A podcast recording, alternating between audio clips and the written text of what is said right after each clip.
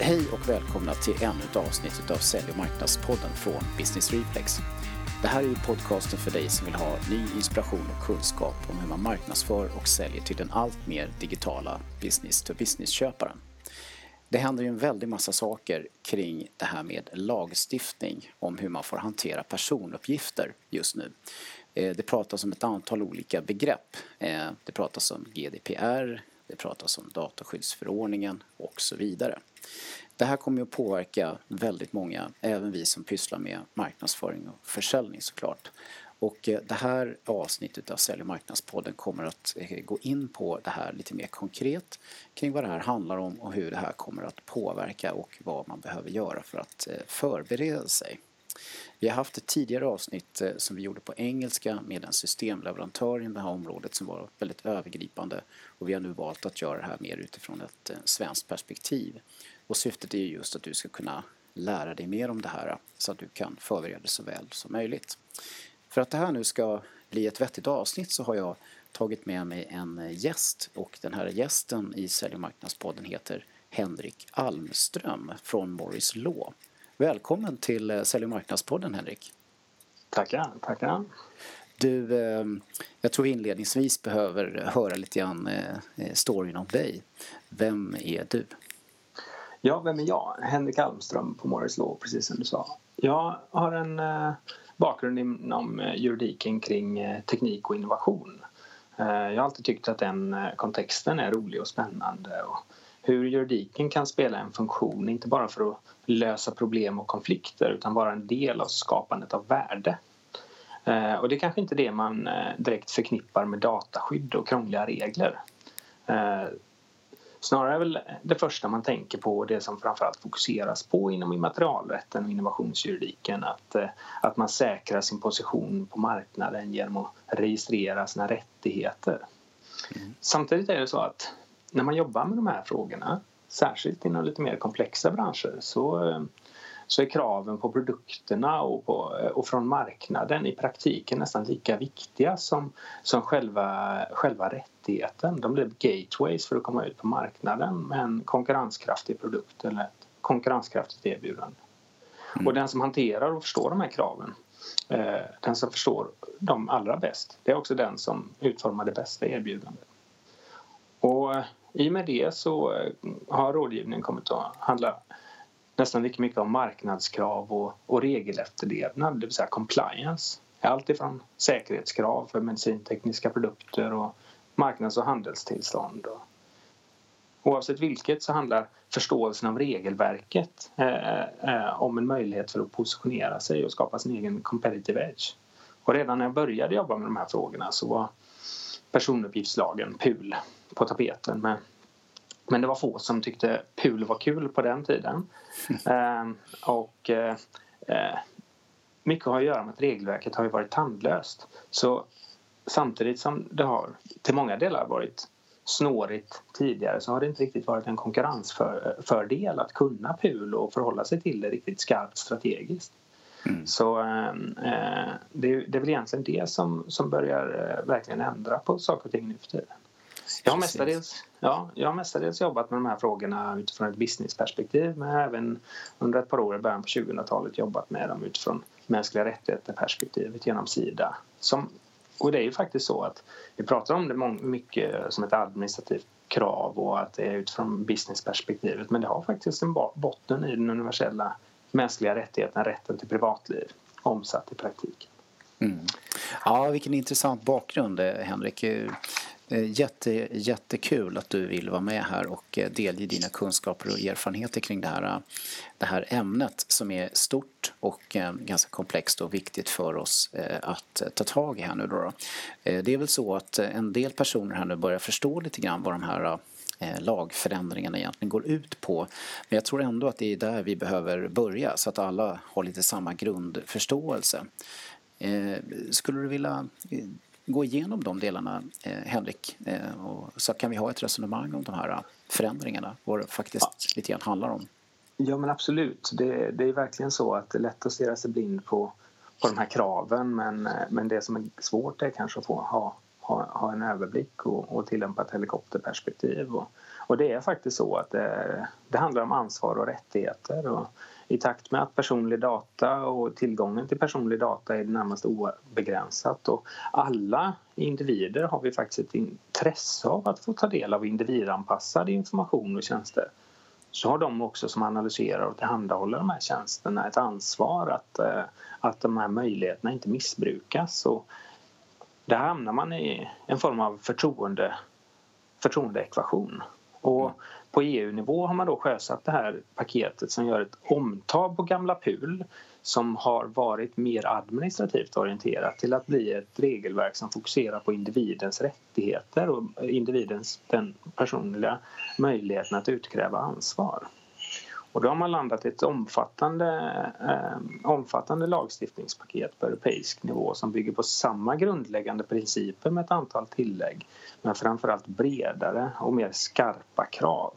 Och det här kombinerat med då de här massiva sanktionerna som, som vi alla har hört om, om fy, uppemot 4% på global omsättning är ju det som har gjort det här till, till den heta potatis det verkligen är nu. Precis, för man kan ju, om man bryter mot de här reglerna så kan det bli väldigt dyrt helt enkelt. Eh, ja, eh, Henrik, det, det, finns ju, eh, det finns ju en hel del krav här precis som du nämner och eh, vi kanske ska ta och gå igenom lite mer konkret vad de här olika kraven egentligen eh, handlar om. Ja, men precis. Eh, det finns eh, gamla krav och det finns nya krav och det finns eh, skärpta och något uppdaterade krav. Men i mångt och mycket handlar det om att man man har en skyldighet att ha själv koll på vilka personuppgifter man behandlar och kunna visa upp för den enskilde att man gör så och helt enkelt se till att det finns möjlighet till ansvarsutkrävande. Och i mångt och mycket handlar det om att man inte om att man troligen inte kommer kunna fortsätta med eh, den personuppgiftsbehandlingen man, man gör för den största delen den är så att säga ganska relativt okänsliga uppgifter. Men all personuppgiftsbehandling måste man hantera och dokumentera på ett sätt som gör att man, man verkligen kan stå för det man gör. Mm. Det, det tycker jag är den, den, största utmaningen, den första övergripande utmaningen. Ja, ja jag, precis. Jag, jag vet att eh, när jag har pratat med människor om det här så Eh, så brukar jag prata om liksom någon form av begrepp om att det här handlar om att man, eh, man faktiskt lånar personinformation och att man måste fråga om lov eh, för att liksom få låna den. Ja, men det är faktiskt eh, det, det, är ett bra eh, begrepp att använda. Och, och lånar man någonting så har man ett ansvar att förvalta den annars kommer man inte få låna den på nytt igen. Och eh, det bottnar i en accountability, att jag, jag, jag får stå för det jag gör. Och då, kan då är det större chans att jag får göra det igen. Och omsatt i, i lagstiftningskrav så innebär detta ett stort antal krav på allt ifrån insamling till bearbetning internt, bearbetning externt med hjälp av andra aktörer, bearbetning externt med andra aktörer utanför Europa till krav på att faktiskt ta bort personuppgifterna the right to be forgotten, rätt att bli glömd mm. i slutändan. Och sen finns det ju också krav på att, eh, att eh, om det sker någon form av dataintrång och så vidare, att man måste ha rutiner och processer för hur man hanterar det, eller hur? Precis, precis. Rutiner för, för säkerhet som ska vara lämpliga och där, där är det ju lika viktigt med teknisk som organisatorisk säkerhet. Det vill säga att jag både ska ha tekniska Eh, eh, säkerhet i form av brandväggar och, eh, eh, och kryptering. Men jag måste också se till att tillgången till uppgifterna är, är hanterad. Och på samma sätt som själva hanteringen av personuppgifterna måste dokumenteras så måste man också dokumentera vilka principer man tillämpar för den här säkerheten. Och det är de som sen kommer naturligtvis ifrågasättas när man råkar ut för ett personuppgiftsintrång, det vill säga någon för att man blir hackad eller eller liknande. Och då kickar det här kravet som är ju faktiskt ett av de svåraste nya kraven att man måste vid en personuppgiftsincident, alltså när personuppgifter har läckts, rapportera detta inom 72 timmar till eh, övervakande myndighet, Datainspektionen och till och med till, till den registrerade i vissa fall när det är fråga om särskilt omfattande uppgifter eller lite mer känsliga uppgifter. Och 72 timmar är kort tid. Ja, det är ju det verkligen. Och jag tänkte säga så här, visst är det så också att eh, det finns ett krav som innebär att om jag vill veta vilken information jag, jag faktiskt eh, lagrar om mig, om någon lagrar om mig, eh, att eh, det finns en skyldighet att kunna visa den informationen ja. till den som frågar efter den, eller hur? Precis, precis. Det finns en, eh, en rättighet för den enskilde att eh, få information om om man behandlar uppgifter om personen och vilka uppgifter och även en rättighet att få ut uppgifterna så att man kan eh, kräva att de rättas eh, om det är så att eh, de är felaktiga. Och, och, de här delarna har funnits tidigare men man kan säga att eh, de är ordentligt förstärkta i GDPR och det är en central del i att man ansvarsutkrävande accountability att man helt enkelt måste ha koll på vad det är man gör så att man kan tillhandahålla de här uppgifterna. Och ofta när man tittar på vad det är man gör så har man ett, en, en, den, hastiga inblick, den hastiga bilden av är att man behandlar ganska lite uppgifter men när man tittar lite närmare på det så behandlar man kanske kund och kontaktuppgifter i betydligt större omfattning än, än man tror från början. Man, eh, man nätverkar i, eh, på ett sätt som gör att man, eh, man verkligen behandlar sina kontakters uppgifter i större omfattning. Vilket inte nödvändigtvis är otillåtet enligt GDPR men däremot så kräver den här ökade eller ytterligare behandlingen att även den ska dokumenteras och att man ska kunna stå för den på ett transparent sätt. Precis, och det, det, det, det, du är inne på här också det är ju att jag tror många börjar inse att man sparar ju information för väldigt många olika syften. Och eh, en hel del av de här syftena eh, använder man sig liksom utav. Medan det finns många andra syften som man kanske har tänkt sig att man ska använda informationen för. Men man gör det faktiskt inte. Och det blir ganska mycket som många syften om man börjar ja. liksom analysera det här själv. Ja men absolut. Och det, det där är verkligen eh, det, det, är en, ganska mycket av en process att rannsaka sig själv.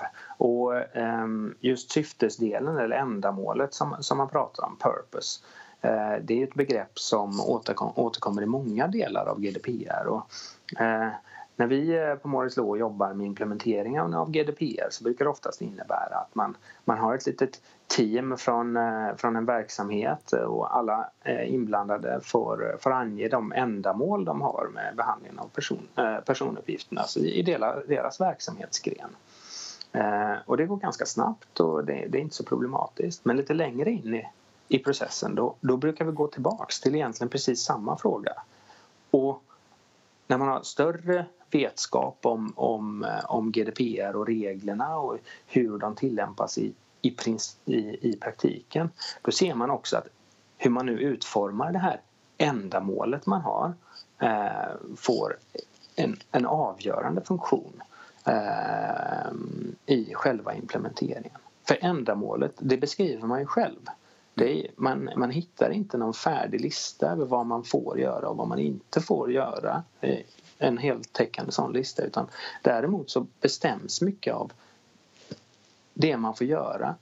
Det, eh, det begränsas av vilket ändamål man har angett. Så då får man vara, vara noggrann där med, med, med hur man utformar sitt ändamål.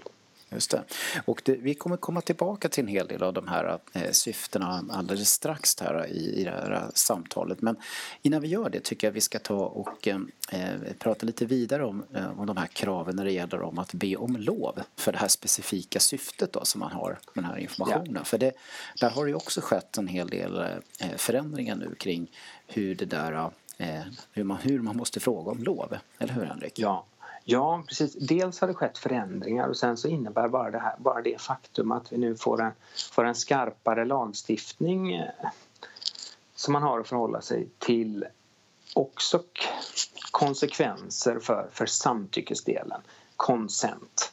För det är, ju, det är ju så att vi, eftersom vi i dagsläget sitter på mycket data som vi kanske har samlat in efter ett samtycke eller har samlat in när vi borde haft ett samtycke.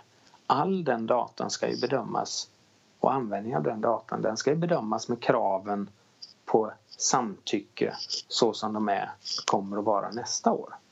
Just det. Och, så, och, så det innebär att man helt enkelt eh, man har data eh, och man måste alltså gå ut och be om eh, att få liksom ett nytt eller få ett, ett, ett nytt samtycke eller få ett samtycke eh, efter, eh, efter, ja det är ju maj nästa år som det här eh, träder i kraft, eller hur?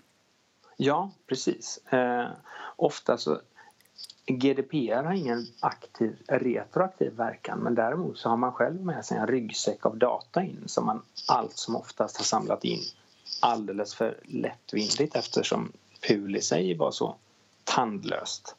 Och ehm, eh, det innebär att man i de fall man har inte haft tillräckligt bra samtycke så får man inhämta nya samtycken. Och eh, samtyck, de uttryckliga kraven på samtycke har blivit något skarpare men inte, inte väsentligen skarpare. Men redan innan så var de i PUL förhållandevis skarpa och framförallt handlar det om att man, man har en skyldighet att beskriva vad det är man gör, med vilka uppgifter man har tänkt att göra det och varför ändamålet. Och det ska ske på ett konkret och tydligt sätt så att den enskilde faktiskt kan samtycka till det på ett, eh, eh på ett så att den enskilde kan samtycka till det som verkligen sker på ett välunderrättat sätt. Mm, och aktivt, eller hur? Det får inte aktivt, vara passivt precis. utan det måste vara aktivt. Så ett kryss i en ruta måste man sätta dit själv.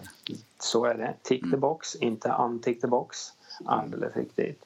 Och eh, det är ju en eh, minst sagt en utmaning att eh, på ett koncist och klart sätt informera om allt det man kommer göra utan att man för den skull ska avskräcka sina, sina potentiella samtyckare.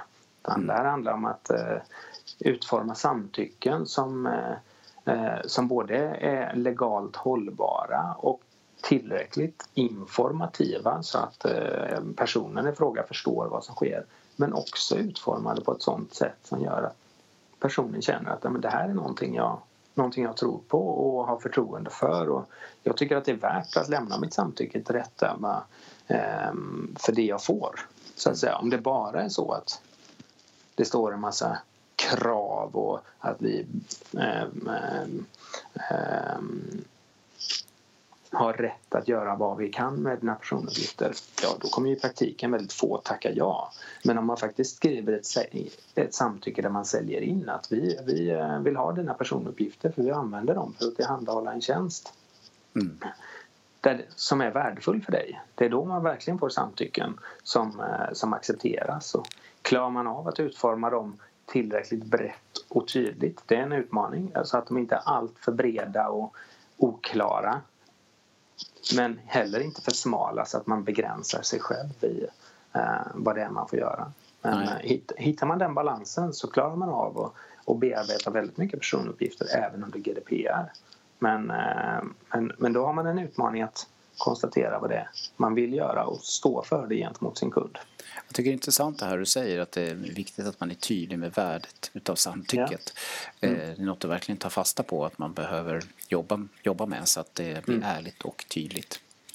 Men du, eh, om vi kanske ska ta och gå vidare och prata lite mer konkret om vad det faktiskt brukar handla om för typ av eh, Eh, information, eh, personuppgifter när vi pratar om business to business, marknadsföring och eh, försäljning, kundvård och sådana saker. Normalt sett är det ju egentligen ganska enkla uppgifter och kanske inte så speciellt känsliga. Men det spelar inte så stor roll här egentligen, eller hur? Nej, i vart fall inte inledningsvis. För det, för det är ju så, man, man samlar in relativt ordinära uppgifter i USA. Vem är det man har kontakt med hos eh, sin, sitt motpartsföretag? Vilka, vad är det för kontaktuppgifter? Vad har den personen för roll på bolaget? Är det en redan existerande kund så vill vi veta ungefär vad de har köpt och, eh, tidigare. Och, eh, vi, vi, vi, behandlar helt enkelt det som behövs för att upprätthålla kontakten med, med personen. Mm. Men, men redan här, ja. Mm. Ja, men det är ju sådana saker som mejladress till exempel. Eh, eller telefonnummer. Eh, och den typen av saker. Precis som du är inne på, vad det är man har köpt. Men eh, kanske även också vad man kanske är intresserad av att köpa ja. när det är en, en säljprocess. Eller vilken typ av information det är som man så att säga, då, kanske vill ha från det här företaget innan man har köpt. Eller efter att man har köpt eh, och så vidare. Eh, och vilken typ av information som behövs för att man överhuvudtaget ska kunna genomföra ett köp kanske. Ja, precis.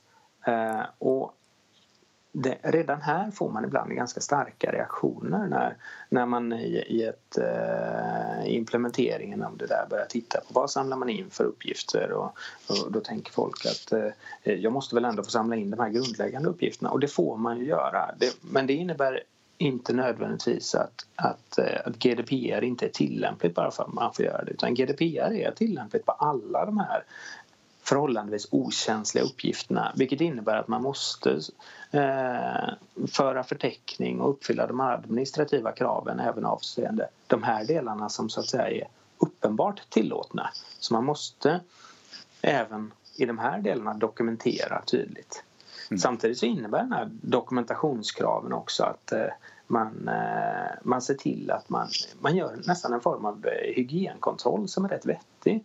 För det är klart att det, det, det, är rimligt att samla in alla de här uppgifterna och i vissa sammanhang så kan det också vara, vara rimligt att faktiskt ha koll på om personen är en golfspelare eller en seglare liksom för att mm. eh, bjuda in till olika event. Men samtidigt så börjar man där liksom, börjar man komma över på, eh, på det som faktiskt inte riktigt är okej okay att eh, registrera. För en duktig säljare och nätverkare de, man kommer ju naturligtvis ihåg vad man har pratat med eh, pratat med en person om på en middag eller liknande. Men det innebär ju inte att det är okej att spara info i ett register om att kontaktens barns intressen eller vad, vad, det, vad, det, vad partnern jobbar med någonstans. Så, och det är ju det som den här, de här dokumentationskraven i GDPR faktiskt ser till att göra. Att det finns en gräns för vad man faktiskt får registrera och man får registrera det som man får lov att det som man faktiskt använder för att upprätthålla kontakten. Men det som är ovidkommande eller som är rent privat eh, det får man hålla sig undan från. Mm. Och in, i detta så är det ju också så. Ett vanligt eh, exempel är att man i sina till exempel CRM-register så har man har man eh, fält för alla de här vanliga uppgifterna men sen så har man en del fritextfält och det är där man får se till att det, det liksom inte står att det här är en gnällig eller snål person eller ja, vem vet, det kan vara till och med allvarliga, allvarligare grejer som politisk och etnisk tillhörighet och liknande. Mm. Här, får man, här, här får man se till, och det skulle jag vilja säga, det, det är bra att man ser till att, att de här eh, uppgifterna rensas ut. Man, mm. man får definitivt fortsätta med de här vettiga, sunda uppgifterna men man får vara försiktig med att inte samla in de här mer ovidkommande delarna. Mm. Ja precis och jag tror också det vi har berört lite grann här men som du också touchar på nu det är just det att man inte egentligen får samla på sig information eh, som man inte kommer ha någon användning utav eller man har ett tydligt syfte med. Eh, man får inte samla på sig något som kan vara bra att ha någon gång i framtiden till någonting eventuellt. Just det, precis. Bra att ha-begreppet är, är, är, helt enkelt inte särskilt, särskilt bra att använda sig av. Nej, jag tror också något som kan vara lämpligt att tänka sig här och jag tänkte vi skulle prova det lite grann du och jag det är att man utgår från lite olika så här, typiska situationer som marknadsförare och, och säljare står inför när man behöver samla på sig den här typen av personuppgifter som vi precis har pratat om. Ja. Och eh, eh, om man tänker sig liksom att det finns någon form av eh, resa här så att säga som den potentiella köparen eh, gör Eh, så har ju den en början. Den har ju en början där vi inte har en aning om vad det här är för person och så kommer de till exempel till vår webbplats eh, och besöker den. Och eh, idag funkar det ju så att då startar ju liksom en, en tracking direkt, eller många gör ju det i alla fall, eh, när man kommer till den här sajten och sen så frågar man om lov eh, via en sån här cookie, eh, cookie policy som dyker upp. Ja. men om jag förstår dig rätt och så, så behöver man egentligen be om lov innan den här trackingen startar. Fast så funkar det inte riktigt idag. Nej, och det där är ju alltid, alltid en utmaning. Eh, det, det, det, är ett lite bredare scope för vad man måste be om lov till men, men viss, viss tracking får lov att ske redan, redan innan man har bett om lov. Men, men den här problematiken med, som, som motsvarar traditionell marknadsföring att man kan inte ringa upp och be be om lov innan ett kallt samtal. Den, eh, eh, samma problematik översätts ju i en digital online-kontext. Mm. Och eh, man, eh, det samtycke som sker, eh, sker för cookies eh, ligger faktiskt något utanför just personuppgiftsdelen men det är snarast en, en lagteknisk eh, detalj men, men den kommer av det att man redan, redan i det skedet klarar av att analysera beteenden eh, ganska noggrant och vissa cookies är ju väldigt så att säga, invasiva i sin analys av, av beteendena. Och eh, jag tycker att i den här delen så eh, Eh, så kan man relatera till ett av kraven på, i GDPR som, eh, som säkert många har hört, det här med eh, privacy by, eh, by design. Och eh, det handlar mycket om det att de system man använder de bör vara utformade på ett sätt som säkrar upp, ehm, säkrar upp integriteten. Och på det sättet så bör man identifiera redan i, på sin tekniska plattform att vilka kontaktytor har jag gentemot kunden, gentemot användaren. Var kan jag inleda med ett samtycke och har jag flera kontaktytor kan jag så att säga uppdatera samtycket. Att jag skulle kunna till exempel analysera beteende på en anonym nivå inledningsvis när, när jag får ett besök på en sajt. Men om jag har en inloggningsprocess förhållandevis tidigt så kommer jag få möjligheten att lämna, lämna konkret information och det här, det här säljande lockande samtycket som vi pratade om tidigare. Kan jag få in det relativt tidigt så kommer jag ha betydligt större möjligheter att och, ehm, och analysera information om, eh, om den som besöker. Men å andra sidan, tittar jag inte på de här möjligheterna ja, att, att få samtycket då är mina möjligheter att begränsa, att, äh, mina möjligheter att analysera information om användaren klart begränsat och riskfyllt faktiskt. Mm. Så tittar man på, på systemnivå och försöker hitta den här ja, men här ser jag nu, här har jag flera kontaktytor så kan jag bedöma vart, vart ska mitt samtycke komma när, när tror jag att eh, den här personen är beredd att, att få information om, om om vad jag vill erbjuda men vad jag också behöver för information för att kunna erbjuda den här skräddarsydda tjänsten. Mm. Och det som väldigt ofta händer ju eh, idag eh, det är ju att, eh, att man som företag erbjuder någon form av digital information. Man kan följa en blogg, man kan ladda ner någon form av, av dokument eller man kan boka sig på någon form av aktivitet eller event eller, eller någonting sånt. Eh, då man, då man liksom kanske för första gången behöver uppge eller uppger eh, vem man är och lämna till exempel en mejladress, och ett förnamn och ett efternamn och kanske ett företagsnamn och sådär. Eh, och, och det, det är ju då man måste verkligen tänka till då på, på hur man frågar om lov då, så att säga, vid det där första tillfället, eller hur? Precis, både hur man, hur man utformar själva samtycket som vi var inne på, att det är aktiva samtycken och att det är frivilliga samtycken. I vissa fall så eh, tillhandahåller man kanske en tjänst eh, ehm, där eh, via ett bolag men att tjänsten i fråga används av de anställda. Då kan man fråga sig hur frivilligt det faktiskt är. Om det i praktiken är så att bolaget faktiskt säger att alla, alla anställda måste använda sig av det här, ja, då kommer, då kommer det inte anses vara ett, ett giltigt samtycke utifrån från GDPR. Eller att samtycket ska vara individuellt. Det vill säga att det är den, den enskilde som ska samtycka. Jag kan inte samtycka för en grupp individer. Eller att det inte är tillräckligt informerat. Och just den delen som du säger, man, eh, man får ett sånt här eh, eh, eh formulär att fylla i med sina kontaktuppgifter. I praktiken har man ju utöver det som aktivt fylls i där ofta lämnat ett digitalt avtryck som är klart större och har man använt sig av en mobil enhet så har man ju lämnat, lämnat avtryck eh, i form av geografisk information och eh, kanske surfhistorik med hjälp av cookies och liknande. Och då är det så att de, även de uppgifterna kommer att behandlas fortsättningsvis och analyseras. Ja, då ska ju även den här delen informeras om också. Det är lätt att glömma det. Att det, inte, det är inte bara det som aktivt fylls i som kommer att användas utan det, det är ju allt som man vill använda i fortsättningsvis efter samtycket det ska också med för att det ska vara ett korrekt och välunderrättat samtycke. Så det är en utmaning där i. Mm. Att det är lätt att glömma bort att man, man analyserar klart mer än, än, äh, än vad man kanske tänker efter från början.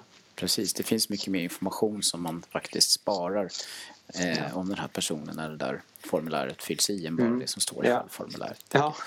Men alltså nästa steg i en sån här eh, köpresa då, det blir ju ja. väldigt ofta att det, det är kanske en säljare, framförallt inom business to business-världen som, som vill ha, eh, eller det är lämpligt att en säljare tar kontakt ja. Och eh, då, då måste man även ha någon form av samtycke kopplat till det. Eller hur, hur tänker man där?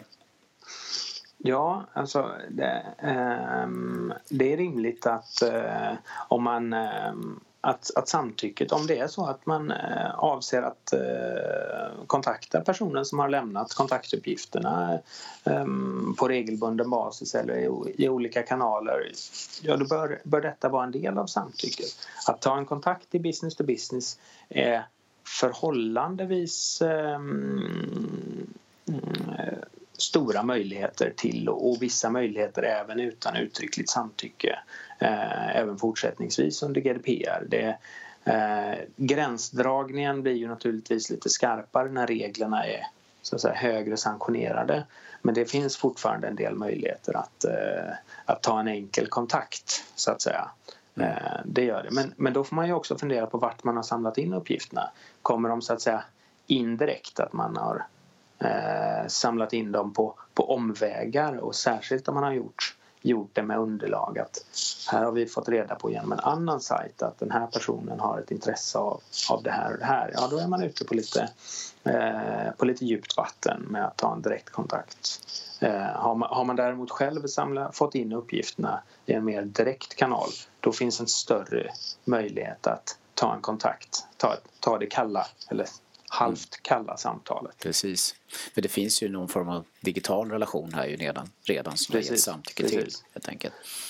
Eh, ja, men intressant. Nästa steg man kommer till det är ju det där då när man ska, ska köpa. När det blir mer skarpt ja. läge man ska köpa. Och då, då behövs det ju mer information för att det ska kunna gå att genomföra helt enkelt. Eh, så då måste man ju tänka på det där också då, när man kommer i det läget.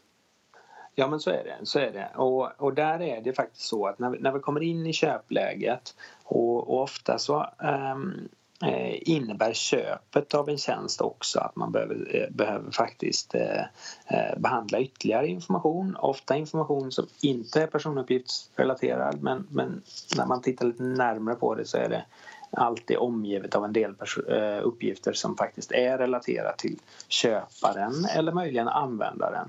Och eh, där finns det en del möjligheter eh, att, eh, att behandla utöver det som man är informerat om i samtycket. För det, samtycke är ju en av de eh, rättsliga grunderna för behandling av personuppgifter men det är, finns även möjligheter att behandla med stöd av att man fullgör ett avtal så att säga. Men men där är det fortfarande väldigt begränsat så att där får man ju bara behandla de delarna som verkligen är nödvändiga för fullgörandet av avtal. Och så fort man är inne på att behandla personuppgifter för så att säga nästa köp, att man vill se till att kunden vill köpa mer eller köpa eh, tilläggstjänster eller liknande då, då får man se till att, att eh, ha säkrat upp samtycket för den delen. Ja, och sen när man väl är kund då finns det ju väldigt mycket ett ömsesidigt intresse eh, i att, eh, att eh, personen i fråga vill ha viss typ av information för att man ska kunna ja. vara en lycklig kund. Samtidigt ja. som det, den som säljer och levererar saker vill ha den här typen av information för att ja, kunna, kunna se till att den här kunden stannar kvar och, och köper mer och så. Och det kanske man då kan fråga efter i samband med själva köpet eller samtycke kring eller så gör man det lite grann allt eftersom eh, beroende på när det blir aktuellt helt enkelt. Precis, beroende på vilken tjänst man, man säljer och hur man gör den så eh, har man i vart fall större möjligheter till de här kontaktytorna där man, där man kan eh, etablera förnyade samtycken. Så, eh, eh så de möjligheterna finns men även där får man vara lite försiktig för man, det man ser att i, i samband med fler och fler produkter, särskilt om man pratar om, om B2B så kanske kontaktuppgifterna de samlade man in från en representant från, från kundbolaget. Men det kanske inte är de uppgifterna endast som man samlar in utan man samlar också in uppgifter om själva användarna av produkten. Det kan mm. vara allt ifrån en, en datorer och det som är lite mer uppenbart. Men allt ifrån gräsklippare till skogsmaskiner och, och, och eh, eh, hälsotjänster så har man användare som inte alls har lämnat sitt initiala samtycke så att man inte blandar ihop de här delarna med det första samtycket utan att man fångar upp att här måste jag i så fall behandla, få ett samtycke från just den personen. Mm. Eh, och det är kanske den uppgiften som är den mest intressanta när man vill titta på vidareförsäljning eller merförsäljning att eh, när man ser hur, hur kunden i fråga faktiskt använder produkten eller tjänsten som man säljer.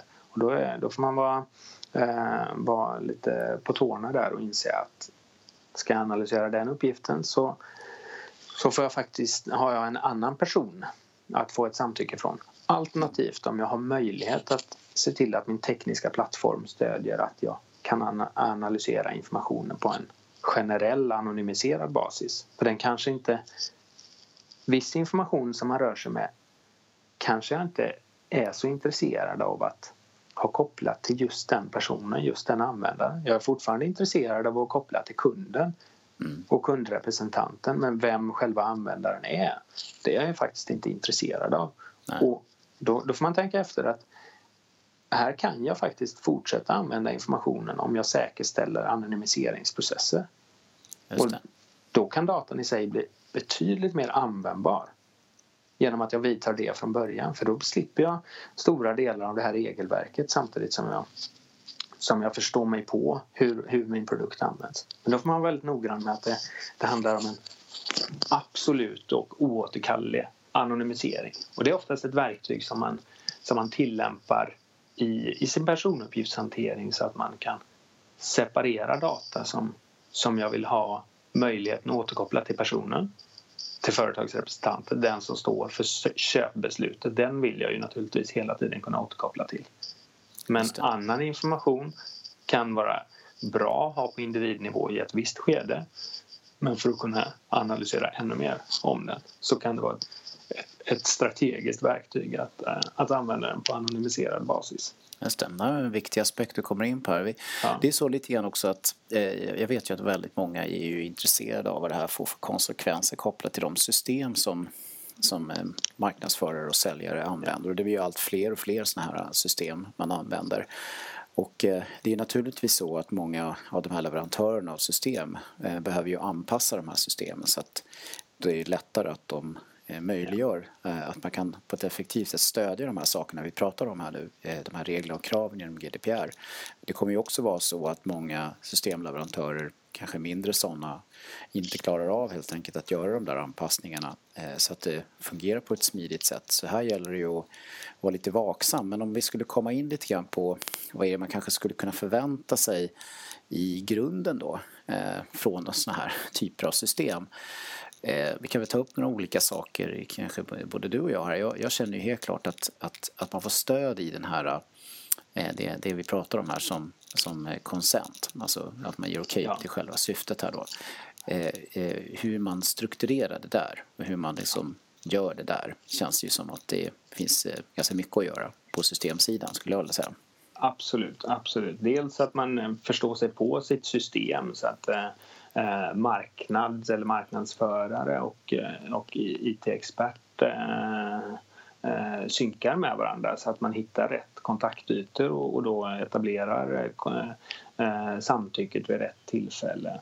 Och är det så att man jobbar då med parallella samtycken eller flera olika samtycken, ja då får man också se till att den, de databaser där, där det finns olika, olika samtycken, att de separeras. För sitter man med en och samma databas med personuppgifter där personerna i fråga har lämnat olika samtycken så vet man egentligen inte vad, vad man får göra med, de, med, med informationen. Om man inte riktigt vet vem som har lämnat vilket samtycke. Mm, precis, så det där... måste man kunna hålla reda på.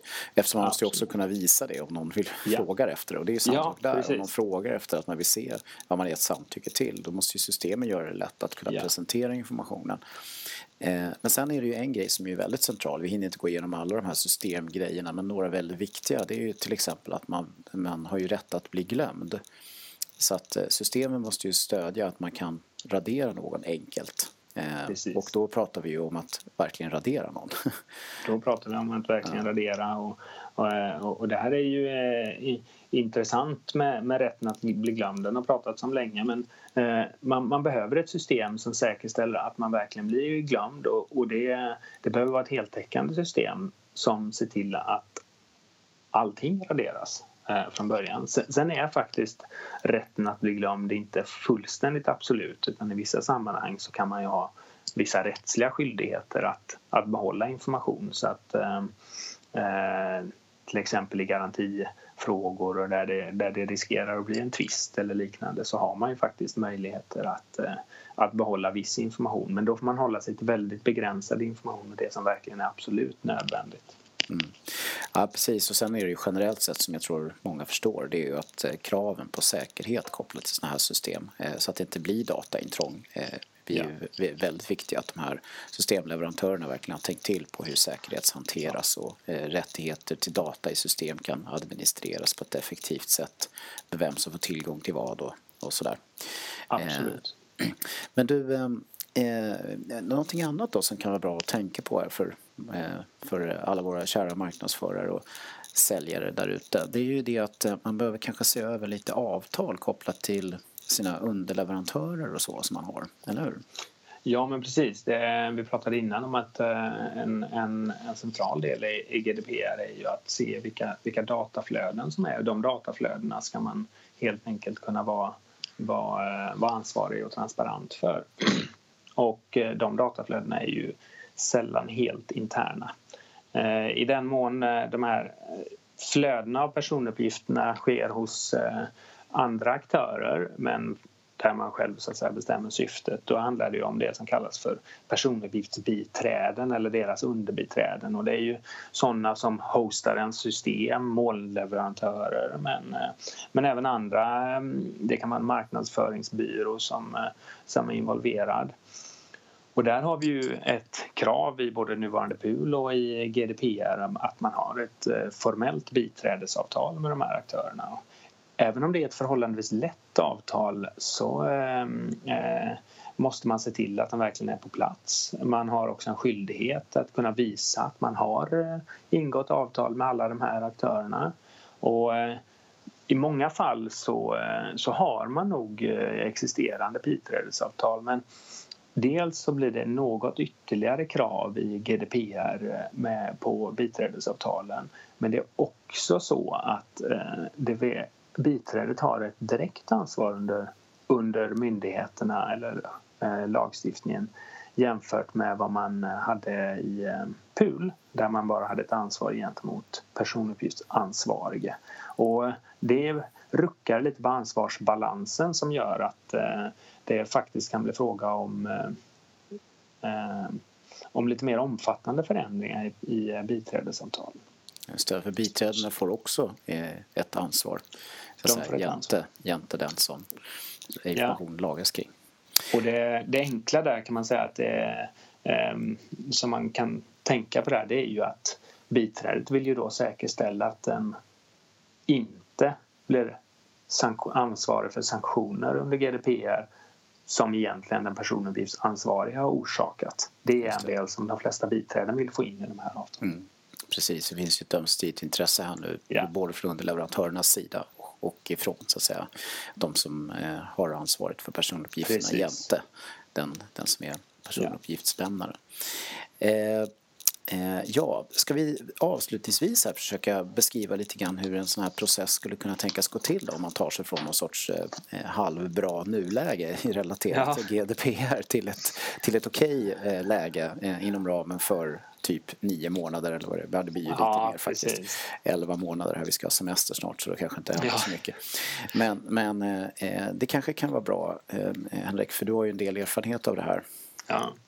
Jo men det är ju så. Och ehm, faktum är att oavsett om man sysslar med väldigt avancerad personuppgiftshantering och analys av kunder och äh, användare eller om man har väldigt känsliga uppgifter eller om man faktiskt har en verksamhet som, som nästan bara sysslar med anställdas uppgifter äh, så sitter alla i äh, någon i någon form i, i samma båt. Det, det är svårt att, eh, att överblicka allting och man får kämpa på lite. Och ju tidigare man börjar den här processen desto större chans har man att eh, frågeställningarna hinner så att säga dyka upp efterhand. Eh, och, och det är väl eh, min erfarenhet att eh, jobbar man vidare med ett projekt under några månader så börjar man med att titta på det uppenbara men eh, riskerna finns oftast i de där registren som man kanske inte tänker på från början. Mm. Ja, precis, det gäller ju att börja förstå sitt nuläge helt enkelt ja, och börja analysera precis. det här med, med, vilken information har man faktiskt ja. för vilka syften och vilken information kommer man behöva samla ja. in för vilka syften och, och börja förstå lite grann också hur, vad som händer kring de system man har och eh, att det händer saker och ting där som sen kommer underlätta väsentligt för en för att man ska kunna implementera och leva upp till det här på ett vettigt sätt. Eh, det är väl en bra början kanske. Eh, men du, eh, om man ska titta rent processmässigt kopplat till liksom GDPRs mm. implementationsprocess som sådant då. Yeah. Så det, det kommer ju en del svenska lite sådär tolkningsgrejer va? Eller har de precis mm. dykt upp? De kommer efterhand här. Ja. Jag skulle bara kunna dra, eh, Lars, här eh, en lite mer tydligare, bara steg för steg. Ja, eller om jag ska ta det. den efteråt. Ja. ja, men ta den gärna. Ja, ja jag tar. Eh, jo, och precis som du är inne på där så eh, ehm, är det ju så att eh, många pratar om en gap analysis som det första steget och, eh, och det är rimligt att, att titta på den typen av frågor och titta på om man identifierar vad det är för data man använder och till vilka syften. Det som jag tycker att man också ska komma ihåg parallellt med detta det är det som jag varit inne på några gånger här att man ska fundera på vad man vill åstadkomma också med datan. För det handlar inte bara om att begränsa utan det handlar om att när man identifierar vilken data man använder och till vilka ändamål så kommer man också se vilken data som faktiskt är affärsstrategisk. Här har vi ett område där, där personuppgiftshantering är centralt för vår verksamhet, för vår produkt eller vår tjänst. Och då handlar det om att vidta åtgärder för att man ska kunna maximera användningen av den datan på ett, på ett lagligt sätt. Just det. Och eh, ofta så innebär det att man, så man har en process där man identifierar vad man gör, vad man borde göra eller vad man, man skulle vilja göra. Och som ett med, andra steg där så försöker man fylla i den här eh, informationen om vad det är man gör i en förteckning, personuppgiftsförteckning som är ett, i sig ett krav i GDPR men Eh, gör man den på ett lite mer utökat sätt så blir det oftast, eh, själva förteckningen blir en, en, eh, ett implementeringsverktyg som gör att man ser, får en god bild av vad det är man gör och vart det är luckor vart det, som faktiskt utgör en compliance-risk. Och när man matchar då de här luckorna med det man vill åstadkomma med sin personuppgiftshantering. Det är utifrån det steget som man kan börja titta på att skapa policies och eh, policydokument. Ger man sig på att skriva en policy i ett för tidigt skede så riskerar den att inte stötta det man så att säga, vill åstadkomma utan policyn blir en, lite mer av en skrivbordsprodukt. Men eh, väljer man att istället konstatera vad man gör och vad man vill åstadkomma och först utifrån det skapar en policy så blir den mer av en, eh, en produkt som stärker ens verksamhet. Det, det tycker jag det, det, är stor skillnad på hur, hur den typen av eh, dokument används i praktiken. Mm. Intressant. Ja, verkligen. Um... Ja, precis då. Och går vi tillbaka till det här med de här svenska tolkningarna som jag var inne på så är det väl så att eh, det kommer lite olika svenska tolkningar eh, men eh, Eh, det är väl, vad säger vi där? Det är någonting man verkligen måste hålla utkik eh, efter. Eh, det gäller egentligen bara vissa specialsituationer va? då det där kommer att vara väldigt viktigt att ha koll på eller? Ja, vi har, vi har precis fått en, en utredning förra månaden här där, som introducerade eh, svensk implementeringslagstiftning som eh, i sig är, är relevant. Eh, hur, hur man ser på hur GDPR kommer eh, eh, implementeras. Sen får vi efterhand vägledningar från eh, e EU-håll där man till, till exempel för några månader sedan så fick vägledning om dataskyddsombudets roll eller hur man utför särskilda konsekvensbedömningar och det kommer sådana som kommer att förtydliga vad som egentligen gäller i detalj avseende exempelvis personuppgiftsincidenter och intrång. Så de här kommer, jag tror inte att man eh, de, de, vissa av dem är förhållandevis svåra att, om man, eh, att ta till sig. Men, eh, men man ska definitivt ställa krav på sin rådgivare att de, de håller koll på de här delarna. Ja, några grejer som är lite speciella här i Sverige det är det här med personnummer till exempel. Det tänker inte ja. vi så mycket på men det är en ganska speciell situation. Ja. Och sen så det här med eh, ålder på barn, när barn själva får ge eh, tillåtelse.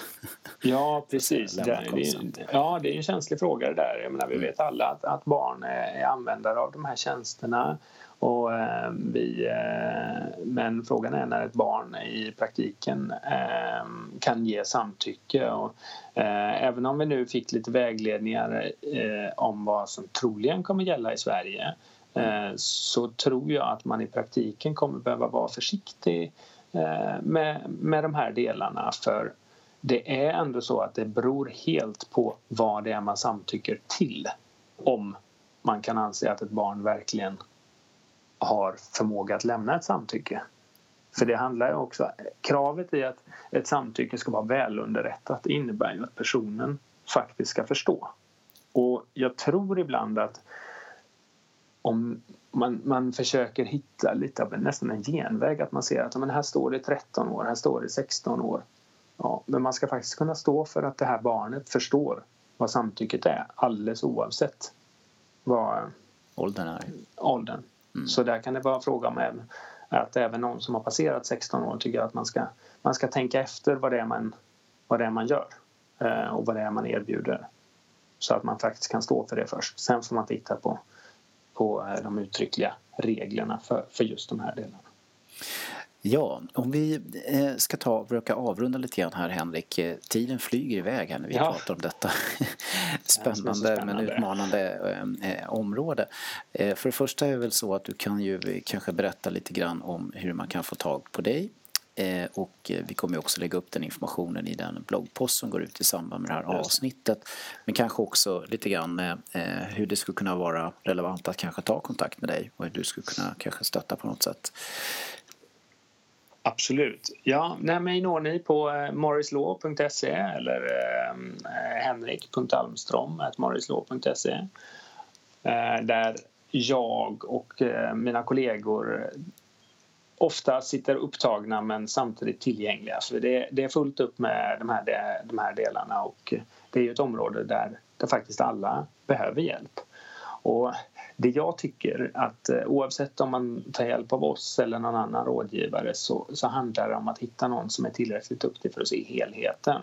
Inte bara någon jurist som ehm, eh, skrämmer med de legala kraven eller en, eh, en IT-konsult som, eh, som tittar, stirrar sig blind på, på detaljer med personuppgiftsincidenter. Om man istället hittar någon, för det handlar om att samverka med det legala IT-perspektivet och den, eh, den egna verksamheten, de delarna ska samspela.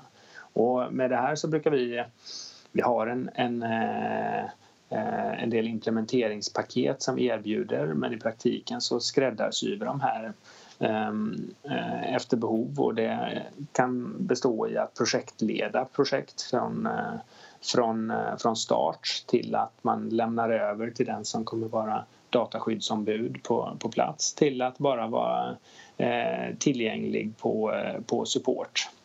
Mm. Och eh, det jag kan se tycker jag det är att ibland efterfrågas punktinsatser och eh, det, det, kan absolut behövas. Samtidigt så, så tycker jag att eh, det är viktigt eftersom det är så viktigt att man förstår verksamheten. Att hur, vad är det för flöden som sker och vad är det man vill åstadkomma med personuppgiftsbehandlingen så är det, är det viktigt att ha en rådgivare som, som samkör eh, löpande och faktiskt förstår behoven och inte bara så att säga löser enstaka problem. Så, eh, eh, ofta så vill vi komma in och vara en del av processen under, under en längre tid och kan gärna vara så på en väldigt, eh, väldigt låg nivå eller med begränsad eh, insats men tid Eh, medför att man, man får en bättre förståelse för verksamheten och klarar av att göra mer, skapa mer eh, ändamålsenliga insatser. Just det. Ja, vad bra. Eh, då skulle jag vilja säga så här att vi får se lite grann Henrik här men det finns nog anledning till att du och jag kan, kan få komma tillbaka i den här sälj och marknadspodds-eten och prata mer om det här ämnet lite längre fram i höst kanske. Men eh, annars så skulle jag vilja tacka dig Henrik så väldigt mycket för att du har tagit dig tid att vara med i Sälj och marknadspodden. Och eh, jag tänkte säga också då till, till alla som lyssnar att det är klart att ni kan höra av er till till oss också på Business Reflex. Det var skicka ett mejl till kontakt businessreflex.se så kan vi också naturligtvis stötta er lite grann i, eh, Eh, i lite rådgivning kring det här utifrån våra erfarenheter när vi jobbar med eh, digital marknadsföring och, och eh, även det som påverkar säljprocessen i mångt och mycket. Så tack Henrik och tack till alla lyssnare och som vanligt då så brukar vi säga så här vad ni än gör där ute så ska ni se till att vara relevanta. Tack och hej!